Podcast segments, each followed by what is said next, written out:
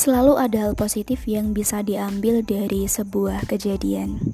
Sama halnya dengan adanya virus corona ini, meski sangat berbahaya dan rentan menyerang siapa pun, ada beberapa hal positif yang bisa diambil. Salah satunya yang saat ini sedang ramai dilakukan yaitu campaign dengan hashtag di rumah aja.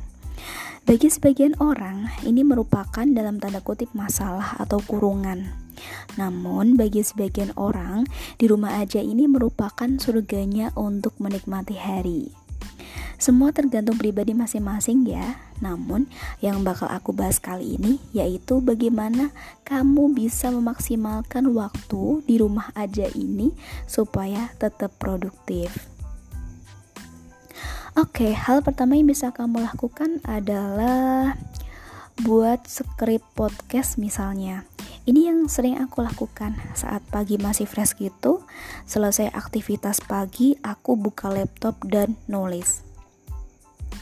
Adapun ide sederhana yang terlintas langsung tulis aja.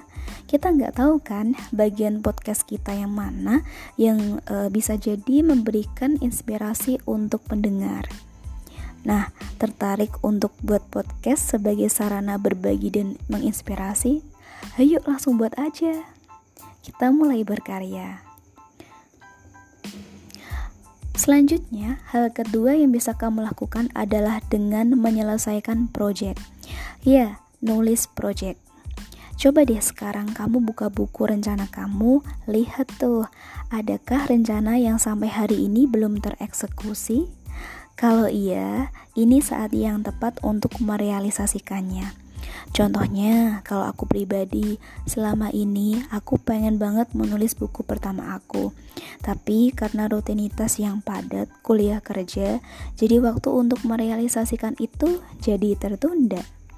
Nah, dengan di rumah aja ini, akhirnya aku bisa untuk merealisasikan rencana itu. Seneng banget pastinya. Nah, sekarang kamu temukan rencana yang sempat terbengkalai dan lakukan. Ini saat yang tepat, jangan ditunda lagi, oke? Okay? Hal ketiga yang bisa kamu lakukan selanjutnya adalah perawatan diri. Ya, aku ulangi lagi ya, perawatan diri.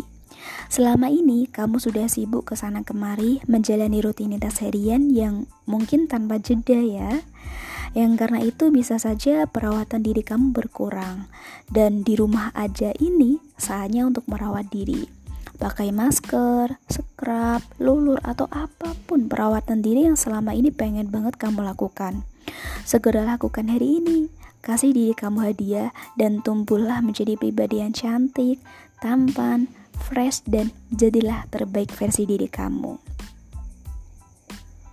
Selanjutnya, hal keempat yang bisa kamu lakukan adalah dengan beres-beres ruangan dan ubah posisi benda.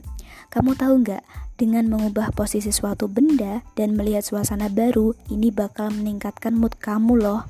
Alhasil, kamu bakal makin betah di rumah dan tetap semangat menjalani hari.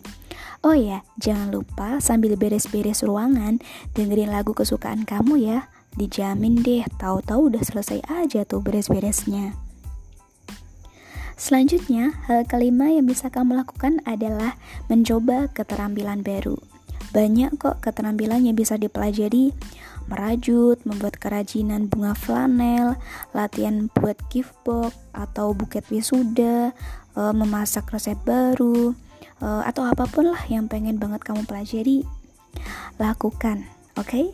Kalau aku pribadi latihan menjahit sih jadi momen di rumah aja ini uh, jadi waktu yang paling tepat untuk lebih mendalami diri. Sebenarnya hobiku apa sih? Hal apa yang bisa aku pelajari? Atau passion apa sih yang bisa aku kembangkan? Gitu. Selanjutnya hal keenam yang bisa kamu lakukan adalah ngerapain HP dan laptop. Kita kan setiap hari pakai smartphone nih tapi kan jarang banget tuh kita bersih-bersih HP. Nah, saat di rumah aja kayak gini tuh waktu paling pas buat bersih-bersih HP.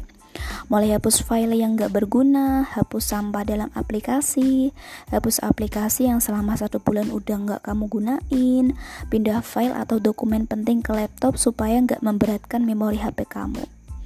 Nah, setelah membersihkan HP, kamu bisa juga membersihkan laptop, ngerapiin file yang sempat berantakan atau bersih-bersih debu di laptop kamu. Jadi, nanti kalau rutinitas sudah normal kembali, smartphone dan laptop kamu sudah siap diajak maraton lagi. Dan hal ketujuh atau hal terakhir yang bisa kamu lakukan adalah dengan menulis jurnal syukur dan refleksi diri. Ini recommended banget. Ya, ini saat yang paling tepat untuk kamu lebih melihat ke dalam diri kamu. Apa saja keajaiban dan nikmat-nikmat yang sudah Allah anugerahkan dalam hidupmu? Sudahkah kamu bersyukur? Mimpimu bagaimana? Sudahkah kamu mulai memperjuangkannya? dan pertanyaan-pertanyaan lainnya. Intinya, momen di rumah aja ini jadi momen paling pas untuk lebih mendalami diri. Me time dengan keluarga, menilik kembali impian dan rencana yang sempat terbengkalai karena sibuknya rutinitas harian. Jadi, jangan merasa tersiksa dengan keadaan ini ya, karena kamu masih bisa produktif dengan cara-cara di atas kok.